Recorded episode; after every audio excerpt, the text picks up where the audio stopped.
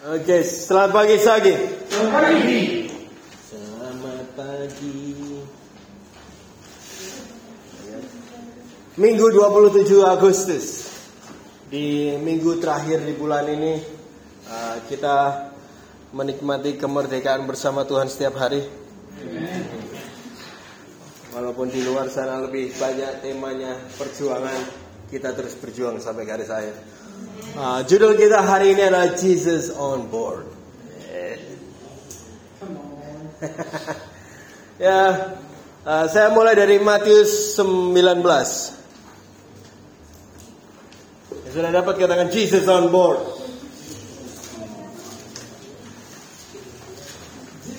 Matius 19 ayat 14.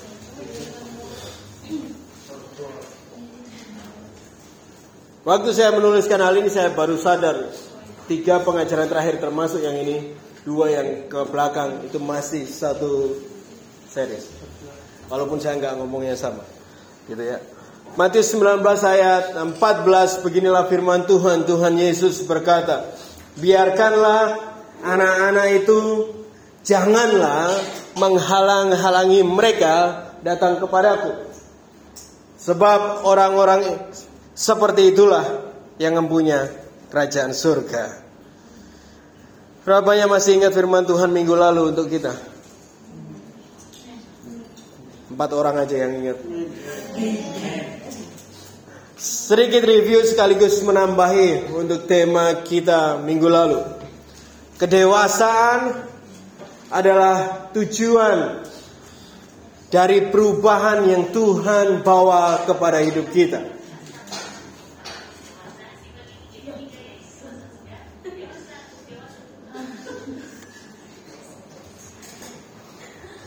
Kedewasaan adalah tujuan dari perubahan yang Tuhan bawa. Amin. Dari anak-anak diubah menjadi dari duniawi diubah menjadi Ayat ini menceritakan tentang suatu kejadian di mana banyak orang tua yang mencoba untuk membawa anak-anaknya untuk didoakan kepada Tuhan Yesus. Tetapi para murid-muridnya menghalangi anak-anak itu untuk mendekat kepada Yesus. Dan Yesus menyatakan, biarkanlah anak-anak itu. Jangan menghalang-halangi mereka untuk datang kepadaku. Sebab hanya orang-orang seperti itulah yang mempunyai kerajaan surga. Tuhan mau anak-anak itu diperbolehkan untuk mendekat dan datang kepada Dia. Murid-murid Yesus sendiri menghalangi mereka bahkan. Karena mereka mungkin merasa bahwa wah anak-anak ini nanti tambah buat Yesus tambah ribet atau buat Yesus buang waktu. Karena anak-anak gitu. Anak-anak ya anak-anak gitu. Ya kan? Dan tetapi Yesus melihat anak-anak ini berbeda dengan bagaimana murid-murid ini lihat anak-anak itu. Ya memang mereka masih anak-anak, tetapi Yesus juga mau anak-anak datang kepadanya. ya mungkin mereka masih duniawi, tapi Yesus juga mau mereka datang kepadanya. Yesus katakan juga kalau datang kepada dia seperti anak-anak ini, orang itu akan mempunyai atau memiliki kerajaan surga. Catat baik-baik di note bahwa ibu saudara, Yesus menerima anak-anak. Yesus membuka diri untuk mereka yang masih anak-anak.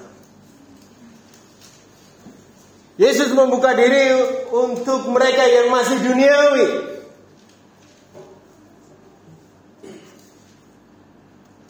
Yesus membuka tangannya bahkan siap untuk meluk anak-anak ini. Yesus menerima kamu yang belum dewasa. Bahaya dari kedewasaan adalah mulai sombong dan merendahkan anak-anak. Siapa yang sudah dewasa di sini? Paling enggak yang udah tua lah. Seberapa sering sih kita merendahkan anak-anak, ya kan? Ini terjadi pada murid-murid itu saat itu. Mereka rasa anak-anak hanya mengganggu dan menghabiskan waktu Tuhan Yesus. Tetapi bahkan ditulis di dalam kitab Injil bahwa Yesus memarahi murid-muridnya karena hal ini. Anak-anak ini datang kepada Yesus di dalam keterbukaan mereka bahwa mereka masih anak-anak.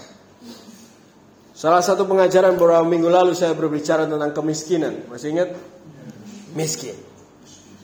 Dan Yesus katakan berbahagialah orang yang miskin karena mereka ampunya kerajaan surga.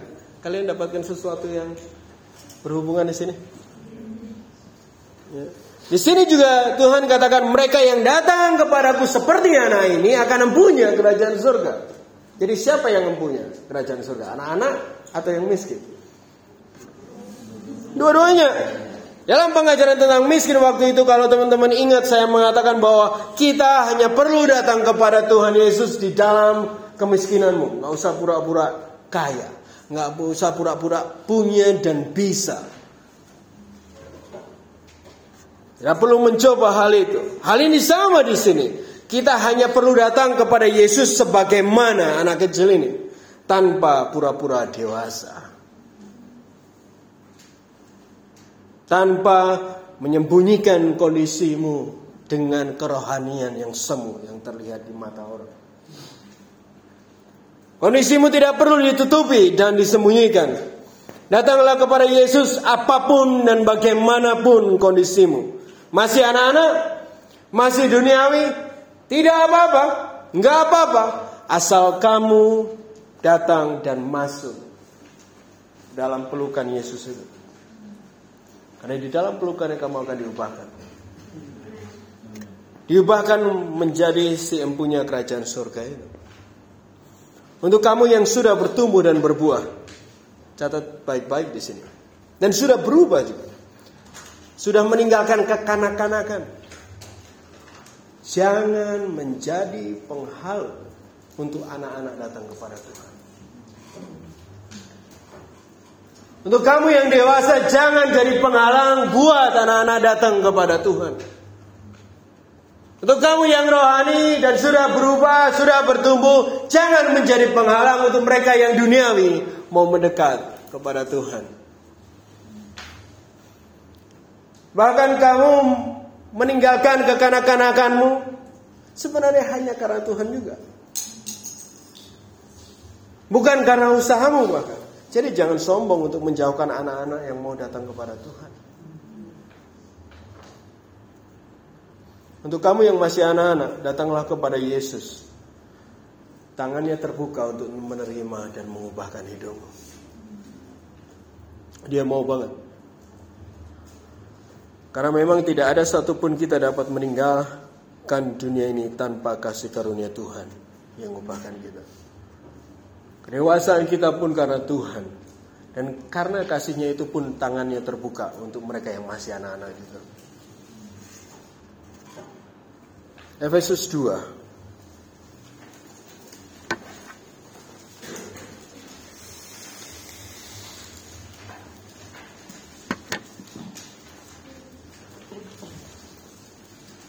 Yang sudah dapat katakan amin. Saya mulai dari ayat yang pertama.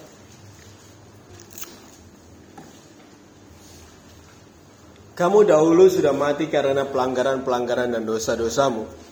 Kamu hidup di dalamnya karena kamu mengikuti jalan dunia ini. Karena kamu mentaati penguasa kerajaan angkasa, yaitu roh yang sekarang sedang bekerja di dalam orang-orang durhaka. Sebenarnya dahulu kami semua juga terhitung di antara mereka. Ketika kami hidup di dalam hawa nafsu daging dan menuruti kehendak daging dan pikiran kami yang jahat, pada dasarnya kami orang-orang yang harusnya dimurkai sama seperti mereka yang lain. Dua minggu terakhir kemarin kita bicarakan tentang perubahan.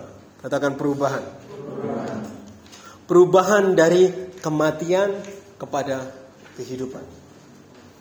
Perubahan kehidupan yang tadi yang mengikuti jalan dunia terus mengikuti kerajaan surga.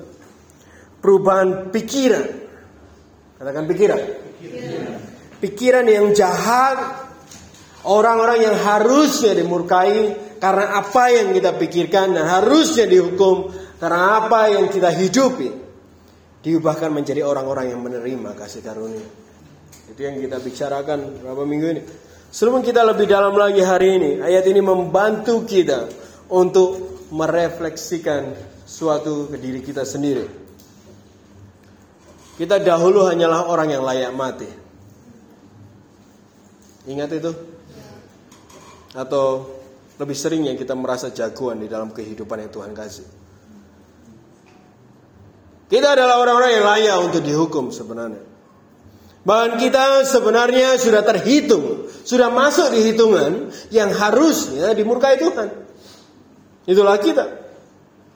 Tetapi karena Tuhan sendiri kita tidak lagi seperti itu. Aku bukan yang dulu.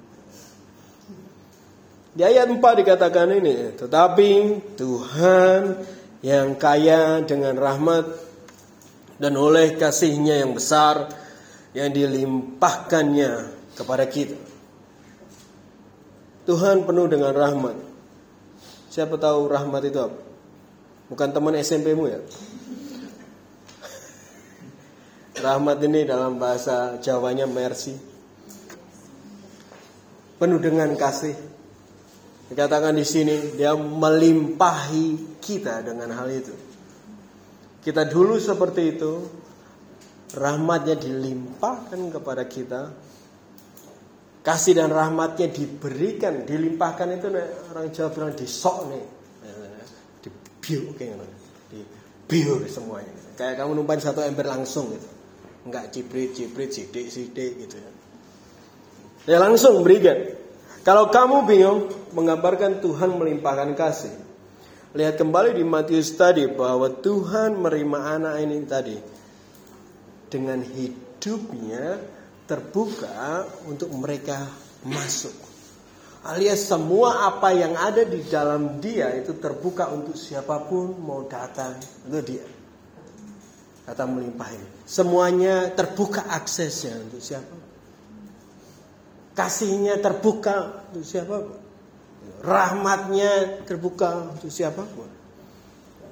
Saya membayangkan situasi yang di Matius tadi seperti di mana waktu kadang teman-teman datang ke Holy Ground terus manggil Jeho Jeho gitu Jeho gitu kan.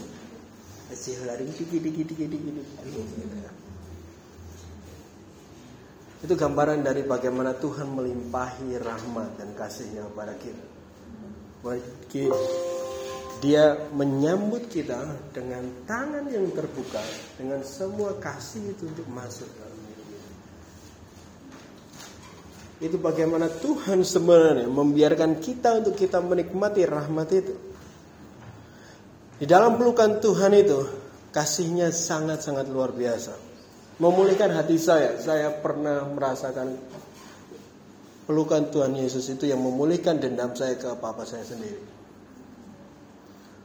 Di dalam pelukan Tuhan, kasihnya ada. Dan tangannya terbuka adalah wujud dari kasihnya yang dilimpahkan kepada siapa pun yang datang kepada dia. Rahmat dan kasih Tuhan yang besar itu terbuka lebar untuk semua anak-anak yang datang kepada Tuhan. Pada Tuhan Yesus. Tapi apa yang terjadi kepada mereka yang masuk kepada rahmat Tuhan itu? Apa yang terjadi kira-kira? Kita lihat di ayat 4 dan 6. Eh 4, 5 dan 6.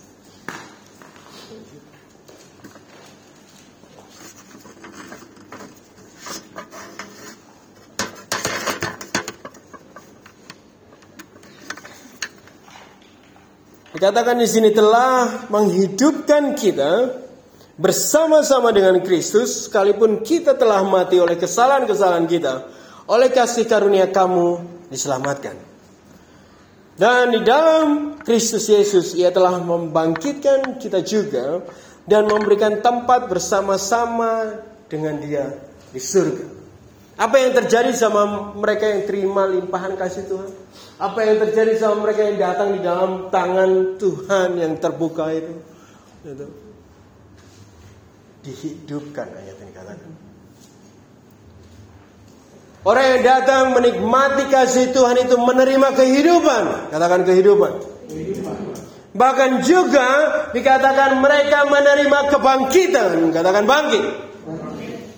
Untuk apa? Untuk apa Tuhan membuka dirinya, membuka kasihnya, membuka rahmatnya itu untuk semua orang bisa ambil dari hidupnya. Untuk apa Tuhan bersusah payah untuk menghidupkan kita? Untuk apa Tuhan bersusah payah untuk membangkitkan kita? Lanjut di ayat berikutnya dikatakan supaya pada masa yang akan datang ia menunjukkan kepada kita kekayaan kasih karunia yang melimpah-limpah sesuai dengan kebaikannya terhadap kita di dalam Yesus Kristus. Sebab karena kasih karunia kamu diselamatkan oleh iman dan itu bukan hasil usahamu, tetapi pemberian Tuhan. Itu bukan hasil pekerjaanmu. Jangan ada yang memegangkan diri karena kita ini buatan Tuhan. Diciptakan di dalam Kristus Yesus untuk melakukan pekerjaan baik yang dipersiapkan Tuhan sebelumnya. Ia mau supaya kita hidup di dalamnya. Menerima keselamatan hanyalah awal. Katakan awal. awal. Menerima kelahiran baru hanyalah permulaan. Sebuah permulaan hidup yang seterusnya di masa depan akan dilimpahkan lebih lagi kasih Tuhan. Seluruh pasal ini bicara tentang proses itu. Proses tadinya kamu siapa? Kasihnya terbuka untuk siapa pun. Dan kamu dihidupkan dan dibangkitkan untuk menikmati lagi kasihnya. Nah, itu juga katakan bahwa supaya di masa akan datang kamu bisa dilimpahin lebih lagi kasih karunia Tuhan. Sehingga harus dihidupkan. Sehingga pertobatan atau kelahiran baru itu momen di mana kamu terima keselamatan pertama kali itu hanyalah awal dari kasih yang Tuhan yang lebih besar yang akan kamu nikmati. Artinya Tuhan menghidupkan kita supaya kita dapat merasakan lebih lagi Dia. Tuhan membangkitkan kita supaya kita bisa lebih lagi mengalami Tuhan. Tetapi menariknya Tuhan mau membuat kita mengalami kasihnya melalui sesuatu. Di dalam ayat 9-10 tadi dikatakan dia mempersiapkan sesuatu untuk kita. Dia mau memberi kita kesempatan untuk menikmati kasih karunia yang lebih lagi di masa depan atau setelah momen kamu terima keselamatan itu melalui pekerjaan. Katakan pekerjaan. Berapa banyak yang punya pekerjaan di sini? Ada yang pengacara? Pengangguran banyak acara?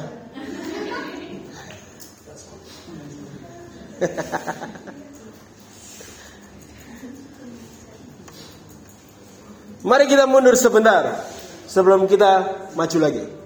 Ya kan? Siapa kita dulunya? Anak-anak duniawi. Ya kan? Karena kasih Tuhan dilimpahkan kepada kita dalam bentuk tangan yang terbuka untuk menerima anak-anak ini. Kita maju dan masuk di dalam pelukan kasih Tuhan itu yang melimpah itu kita mengalami perubahan. Perubahan dari kematian menjadi hidup. Ya kan? Dari kematian dibangkitkan. Dan kabar baiknya adalah setelah dihidupkan dan dibangkitkan, Tuhan mau terus memberikan kasihnya kepada kita. Dia nggak berhenti cuma di momen pertobatan dan baptisanmu. Dia nggak berhenti di saat kamu percaya awal-awal itu. Atau bahkan hari ini. Dia nggak berhenti.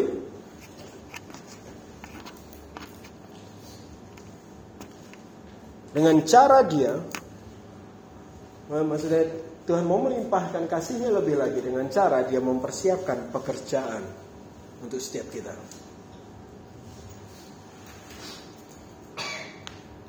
Pekerjaan yang dia sudah persiapkan bahkan di ayat 10 katakan untuk setiap kita dia sudah persiapkan sebelumnya, sebelum kita bahkan bertobat. Sebelum kita bahkan dihidupkan sudah ada. Sudah banyak yang masih ingat rasanya pemulihan Tuhan di hari-hari lahir baru. Ya, luar biasa kan kasih Tuhan yang kamu nikmatin di hari-hari itu, di minggu-minggu itu. Tapi itu adanya hanyalah awal. Kasih Tuhan di momen itu luar biasa banget. Tapi masih ada yang lebih lagi yang Tuhan mau kamu rasain. Dan dia akan kasih kesempatan itu untuk kita merasakan yang melalui pekerjaan yang Tuhan beri. Melalui apa yang dia udah siapkan. Masih banyak lagi kasihnya. Dan dia rindu kita mau menikmatinya. Dia mau mencurahkan kepadamu kasih. Tapi dia mau memberikan yang melalui suatu pekerjaan. Suatu karakteristik, karakteristik yang erat dengan kata pekerjaan adalah aktif. Sudah banyak yang familiar dengan apa yang Yakobus katakan tentang iman? Dia katakan iman tanpa perbuatan ya. iman yang mati. Kristen adalah iman yang aktif. Iman yang bergerak. Iman yang kerja. Iman yang melakukan sesuatu. Orang Kristen tidak akan lebih dalam di dalam kasih Tuhan tanpa bergerak. Orang Kristen tidak akan menikmati kasih Tuhan lebih lagi tanpa dia aktif dengan imannya. Dia nggak akan merasakan kasih Tuhan yang berlimpah itu, rahmat yang luar biasa itu. Bahkan di lahir baru yang kalian bilang tadi luar biasa itu cuma awal. Ada yang lebih luar biasa lagi yang bisa kita rasakan, tapi harus aktif, harus kerja. Karena ada pekerjaan yang disiapkan Tuhan untuk kita. Sebaliknya kalau kamu mau mengalami lebih lagi kamu harus kerja Bapak Ibu Saudara. Tapi juga di ayat 10 dikatakan dari bahwa kerja di dalam pekerjaan yang sudah dia siapkan. Artinya bahwa kita tidak boleh sembarangan kerja juga. Kita nggak boleh sembarangan aktif.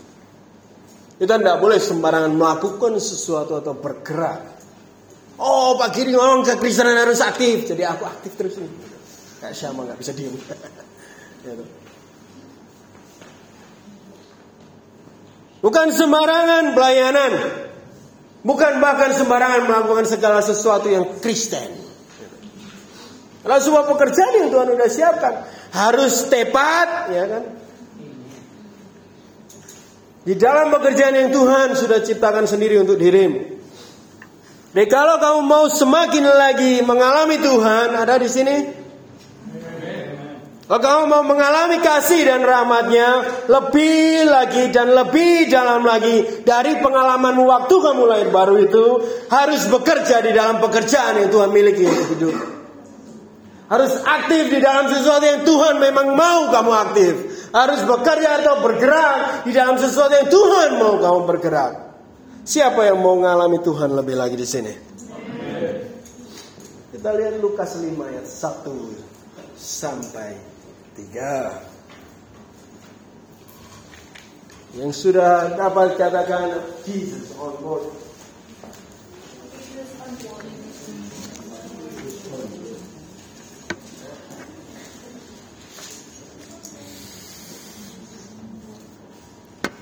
Lukas 5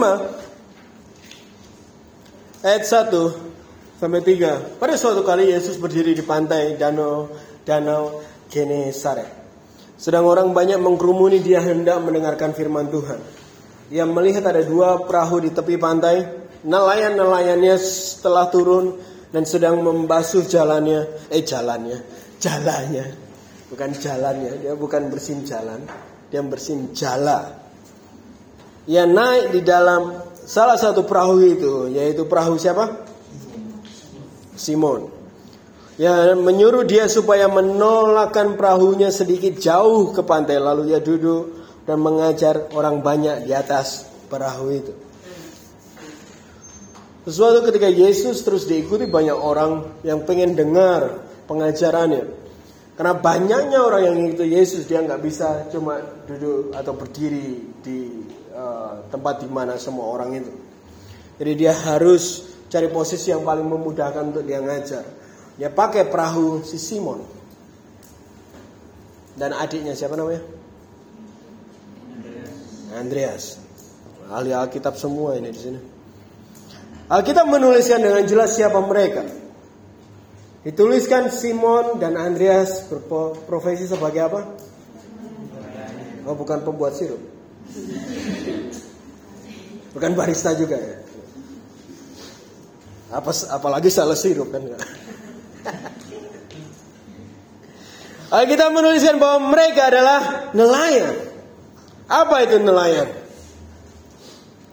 Tukang pencari, ya kan? Mencari dan penangkap ikan ya. Betul? Atau salah? Bahkan saya rasa mereka ahli pencarian ikan ini.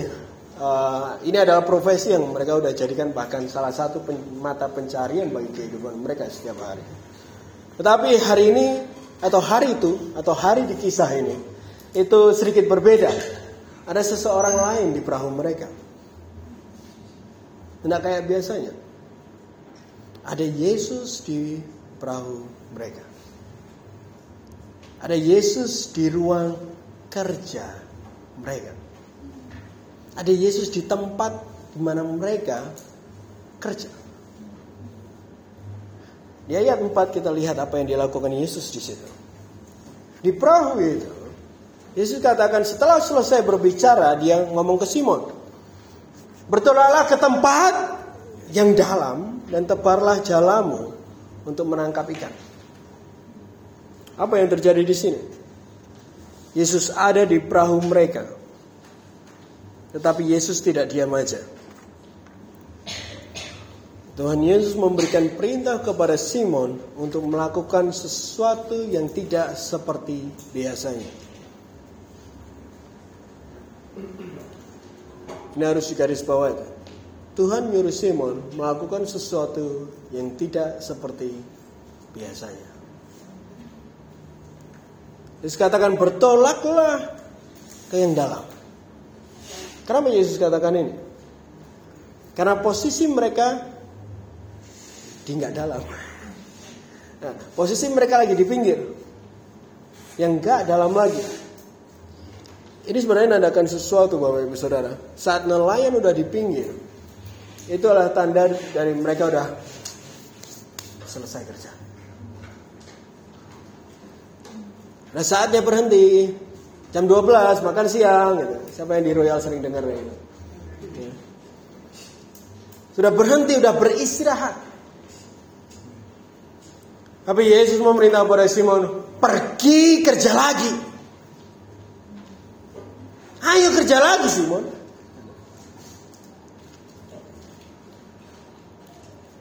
Untuk melengkapi semua itu kita lanjut ke ayat 5.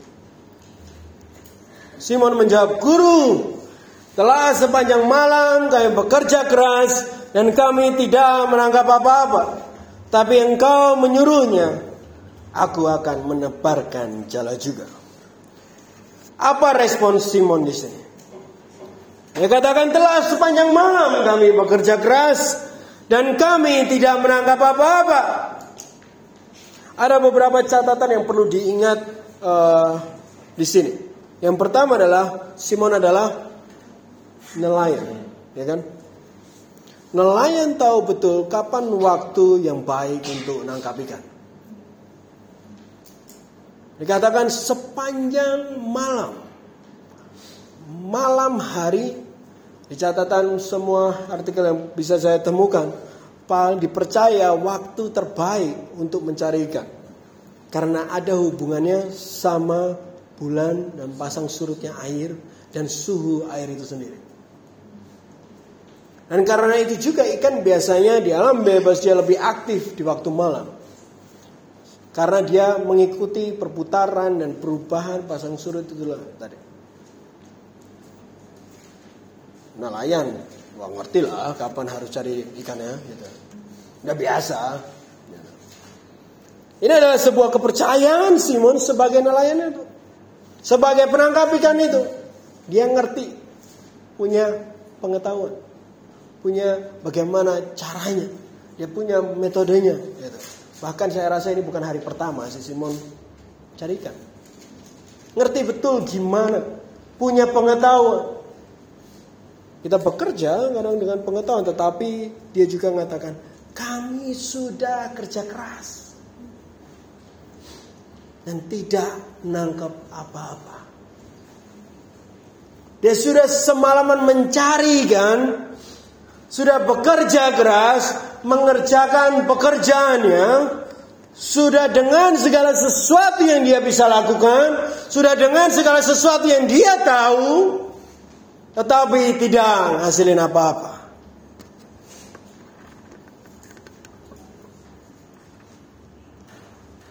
Malam aja udah nggak dapat apa-apa, apalagi siang hari. Ini jelas tidak biasa bagi mereka.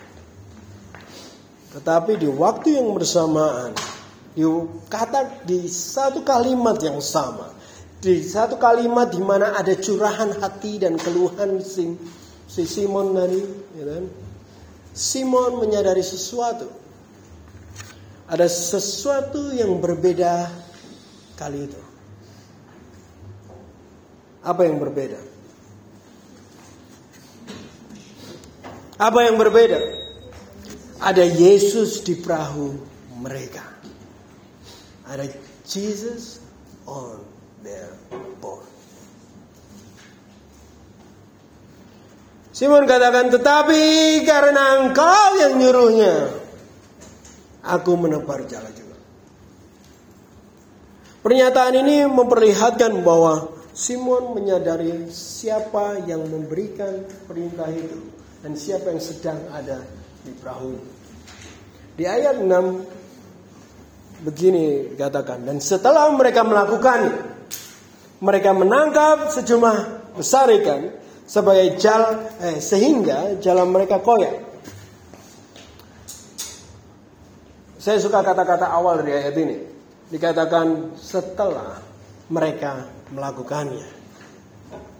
Di Alkitab Bapak Ibu Saudara mengatakan hal itu? Enggak? Dikatakan setelah mereka melakukannya, saat mereka melakukan apa yang diperintahkan, saat mereka melakukan apa yang dikatakan oleh Yesus sendiri yang ada di perahunya. Setelah mereka taat, di dalam ketaatan mereka, mereka mengalami kuasa Tuhan.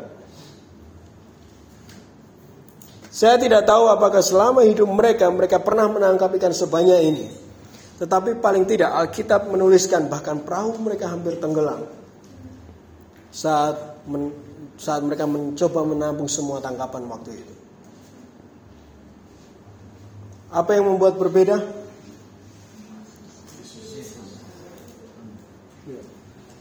Sebelumnya Simon sudah kerja keras, betul? Sebelumnya Simon sudah bekerja di waktu yang tepat dan semua pengetahuan yang dia tahu. Tetapi semua itu tidak membawa hasil apa pun untuk hidupnya. Untuk pekerjaannya. Tetapi sekarang mereka menghasilkan sangat banyak bahkan lebih dari apa yang mereka mampu handle. Apa yang berbeda? Ya, memang sebelumnya mereka bekerja keras. Ya, memang sebelumnya mereka sudah melakukan sesuai dengan apa yang mereka tahu dan kekuatan mereka sendiri yang mereka punyai. Tetapi Yesus tidak ada di perahu mereka pada malam itu. Siang harinya jelas bukan waktu yang tepat untuk nyarikan. Tetapi kuasa Tuhan tidak bergantung pada apa yang kamu rasa baik dan kamu rasa benar. Kuasa Tuhan tidak tergantung kepada apa pengetahuan yang kamu tahu paling benar. Asal saja Yesus ada di perahumu, sesuatu yang berbeda bisa terjadi. Ingat perahu tadi apa? Tempat kerjanya mereka. Asal saja Yesus ada bersamamu, sesuatu yang berbeda akan dihasilkan. Pernah kamu mencapai titik akhir dari apa yang kamu mampu lakukan? Tapi kamu sadar kamu nggak menghasilkan apa-apa. Pernah kamu sampai pada akhir dirimu sendiri? Mentok semuanya. Kekuatan udah mentok. Pengetahuan udah mentok gitu. Nah ini semua yang aku tahu. Ini semua yang aku bisa lakukan. Sudah bekerja keras. Sudah sekuat tenaga ini. Sampai sakit semua badannya mungkin. Sudah mengerjakan apa pun yang kamu tahu, kamu ngerti dari semua yang kamu bisa temukan mungkin di internet. Tetapi tidak ada hasilnya. Bahkan hatimu sudah dekat dengan keputusasaan itu. Rasanya seperti sedikit lagi nyerah bahkan. Firman Tuhan hari ini sebenarnya sederhana banget. Jangan lupa ajak Yesus masuk ke perahumu.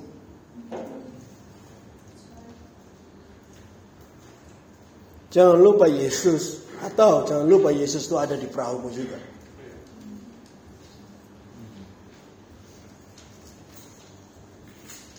Kadang kita kerja kayak orang yang nggak sadari kalau Yesus di perahu kita. Saat Yesus ada di perahumu, dia akan mulai memberikan tantangan baru untuk dirimu. Untuk mengerjakan sesuatu yang nggak biasa kayak kamu kerjain. Karena nyatanya apa pun yang kamu kerjakan sudah tidak ada hasilnya. Ada perintah baru yang dia mau kamu lakukan. Nah akan lebih seringnya perintah itu akan berlawanan sama apa yang kamu tahu. Berlawanan sama apa yang kamu bisa. Berlawanan sama kekuatanmu sendiri. Tapi biarkanlah kita meresponi dengan apa yang seperti Simon katakan. Karena kamu yang nyuruh Tuhan aku lakukan juga. Mungkin gak masuk akal di waktu. Mungkin gak masuk akal di pengetahuanmu. Gak masuk akal di kekuatanmu. Tapi karena Tuhan yang nyuruh.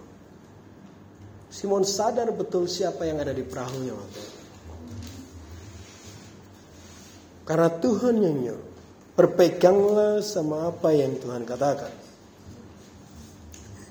Paulus katakan ini juga kepada kita. Di Filipi 2 ayat 16.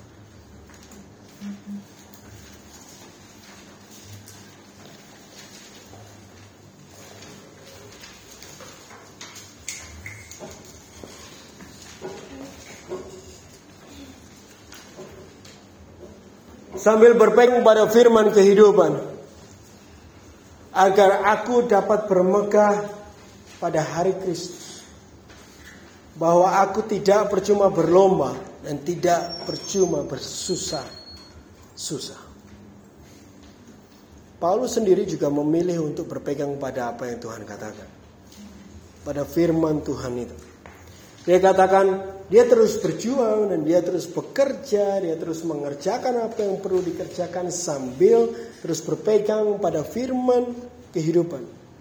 Firman yang daripada Tuhan supaya dia tidak dapat bermegah eh, atau supaya dia dapat bermegah, dapat percaya, dapat tenang sampai hari Kristus itu. Dia juga katakan supaya tidak percuma bersusah-susah, tidak percuma kerja kerasnya.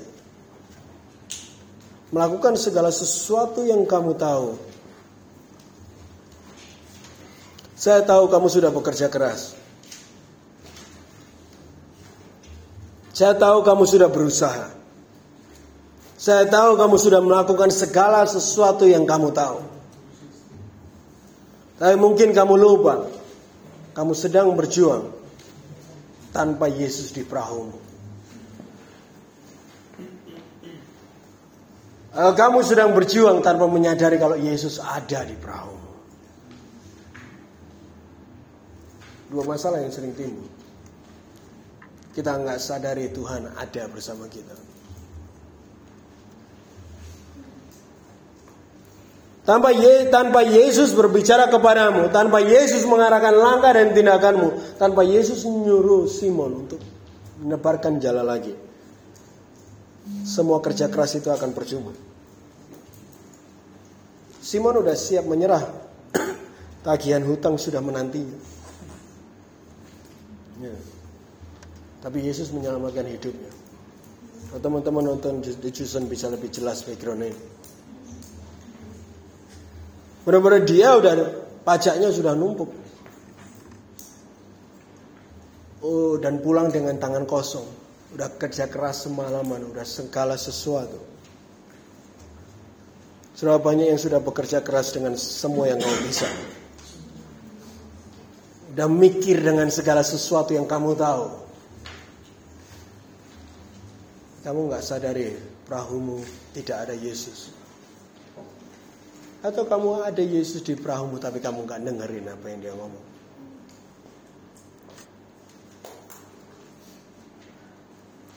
Paulus mau memastikan bahwa dia mau tetap bekerja keras, tetapi bekerja keras di dalam firman Tuhan. Siapa yang setuju kalau taat itu perlu kerja keras? Ini yang Paulus. Dia tetap mau bekerja keras tapi di dalam firman Tuhan. Dia mau bekerja kerasnya itu untuk taatnya. Untuk melakukan apa yang Tuhan ngomong.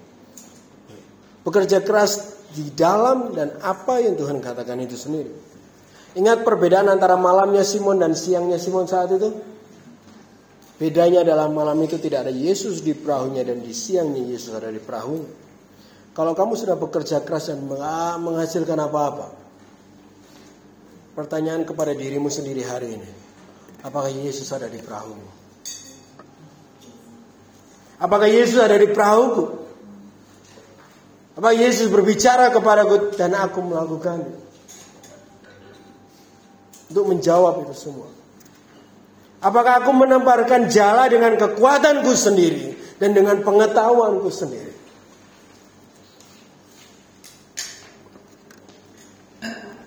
Kita balik ke Lukas 5 tadi.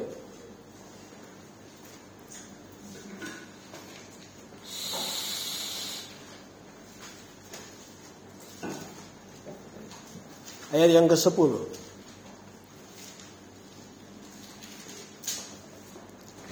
Demikian juga Yakobus dan Yohanes, anak-anak Zebedius, yang menjadi teman Simon. Kata Yesus kepada Simon, "Jangan takut. Mulai dari sekarang engkau akan menjala manusia." Setelah mereka menangkap ikan tadi, Bapak Ibu Saudara, Yesus mengundang Simon, Andreas, siapa lagi? Yohanes dan Yakobos. Ya. Untuk menjala manusia. Untuk menjadi penjala manusia. Sebuah panggilan dan sebuah undangan yang luar biasa. Apa bedanya antara menjala ikan sama menjala manusia? Ya beda lah Pak Giri. Masa harus ditanya? Gitu aja nggak ngerti. Bedanya adalah menjala ikan masih bisa dilakukan tanpa kuasa Tuhan. Menjala manusia tidak bisa dilakukan tanpa kuasa Tuhan. Ini tandanya apa surat? Menjala ikan adalah kerjaan duniawi. Sedangkan menjala manusia adalah kerjaan rohani apa yang terjadi dengan Simon dan Andreas di perahu itu tadi, di mana mereka mengalami kuasa Tuhan saat Tuhan Yesus ada di perahu mereka, hanyalah tanda dan latihan untuk perubahan hidup berjalan di dalam kerohanian mereka.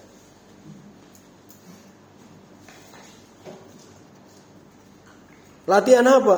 Latihan untuk bekerja berdasar dan bergantung dari apa yang didengar dari Tuhan Yesus sendiri. Karena kehidupan rohani hanyalah kehidupan yang bergantung kepada roh Tuhan. Pekerjaan rohani hanya bisa dilakukan sama orang yang selalu dengerin apa yang roh katakan. Sudah banyak yang mau jadi manusia rohani. Yang dewasa itu Alasan kenapa Tuhan mengubahkan kita menjadi manusia rohani karena ada pekerjaan yang rohani yang menanti kami. Dan ada latihan-latihan seperti yang dialami Simon dan Andreas ini. Kamu percaya sama apa yang kamu dengar. Waktu Yesus ada di perahumu dan melakukannya. Kalau pekerjaan biasa ya kita nggak bisa dengerin Yesus. Jangan berharap kamu bisa ngerjain rohani tanpa Yesus.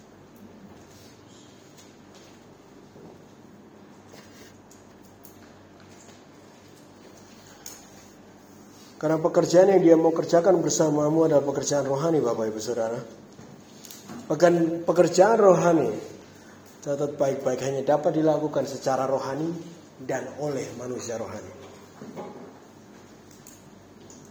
Sehingga Tuhan akan melakukan ujian dan latihan di masa-masamu bertumbuh itu. Dan di dalam ujian itu semakin kamu taat di dalam pekerjaan-pekerjaan itu Tuhan akan membuat kamu merasakan kasihnya, lebih lagi. Waktu kamu baca cerita Lukas 5 ini, kalau kamu baca gitu aja, mungkin kamu cuma bisa lihat mujizatnya. Bahwa wow, Tuhan luar biasa punya kuasa mujizat yang bisa datang ini kan banyak. Tapi bagi Petrus, Simon itu adalah kuasa pembebasan dia. Bagi Simon Petrus yang sudah benar-benar putus asa untuk segala hidupnya, Tuhan datang membebaskan dia. Ada kasih Tuhan yang dia bisa rasakan di saat itu. Dan hanya momen-momen seperti inilah akan mengubahkan hidup kita untuk belajar dan latihan untuk selalu bergantung kepada roh Tuhan. Yesus sendiri. Karena pekerjaan yang menantimu adalah pekerjaan yang rohani. Tuhan mau lihat seberapa kamu bergantung kepada dia dan firman di dalam hal-hal itu. Terus seringnya kamu mencoba dengan kekuatanmu sendiri atau bersandar sama pengetahuanmu sendiri dan kekuatanmu sendiri sampai nggak dapat hasilnya, akhirnya kita harus undang Yesus ke perahu kita. Jangan nunggu sampai kamu nggak menghasilkan apa-apa baru dengar dari Tuhan. Itu latihannya. Firman Tuhan hari ini kepada kita ialah sederhana untuk menyadarkan bahwa Tuhan mau kita mengalami Dia lebih lagi. Tetapi melalui semua yang dia lakukan, nah, melalui semua yang kita lakukan di dalam apa yang dia kerjakan di dalam kita. Menjadi Kristen yang aktif akan membawa kamu kepada kesempatan untuk mengalami Tuhan lebih lagi. Saya tahu Bapak Ibu Saudara semua punya pekerjaan duniawi yang teman-teman miliki. Pernah nggak kamu ngerasa Waktu kamu di dalam kesulitan pekerjaanmu dan Tuhan ngomong sesuatu untuk kamu lakukan sesuatu yang berbeda. Pernah? Biasanya itu kayak gini aku nakar sirupnya gitu kan.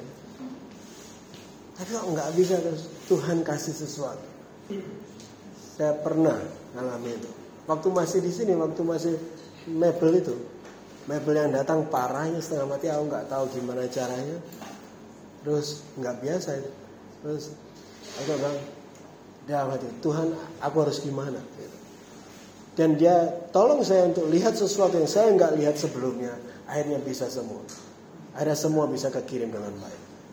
Dan dari hal-hal itu, dan itu tidak cuma sekali, berbagai kali Tuhan akan mengajar kita untuk dengar dia di hal-hal yang kita kerjakan bahkan setiap hari. Dan itu hanyalah bentuk latihan untuk kita terus belajar atau berjalan di dalam kerohanian kita. Sebelum pada akhirnya Tuhan akan bukakan sebuah pekerjaan rohani kepada hidupmu. Yang harus benar-benar bergantung kepada roh kudus. Harus bergantung kepada apa yang dia katakan. Pekerjaan-pekerjaan seperti itu. Kalau kita belum bisa melakukannya, bahkan di hal-hal yang kecil di dalam pekerjaan duniawi kita,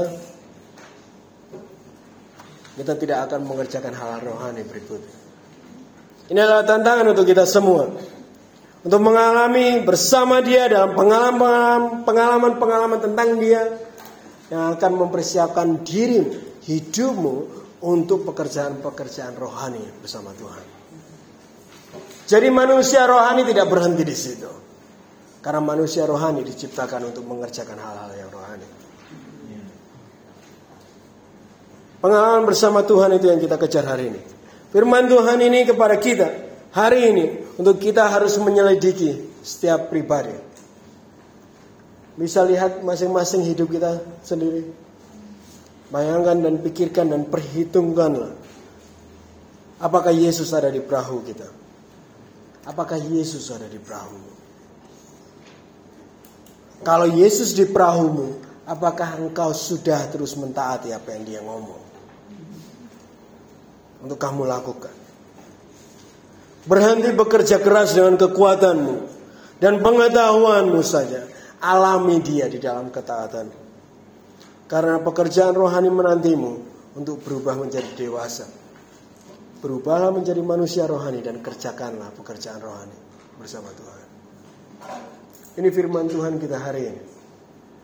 Sederhana dan Tuhan hanya mau kita merefleksikan ini dalam hidup kita pribadi. Untuk lihat apakah Tuhan di perahu. Apakah aku selalu dengar Tuhan yang ada di perahu. Siapa yang mau merefleksikan ini ke hidup kita masing-masing? Saya undang kita semua bangkit berdiri.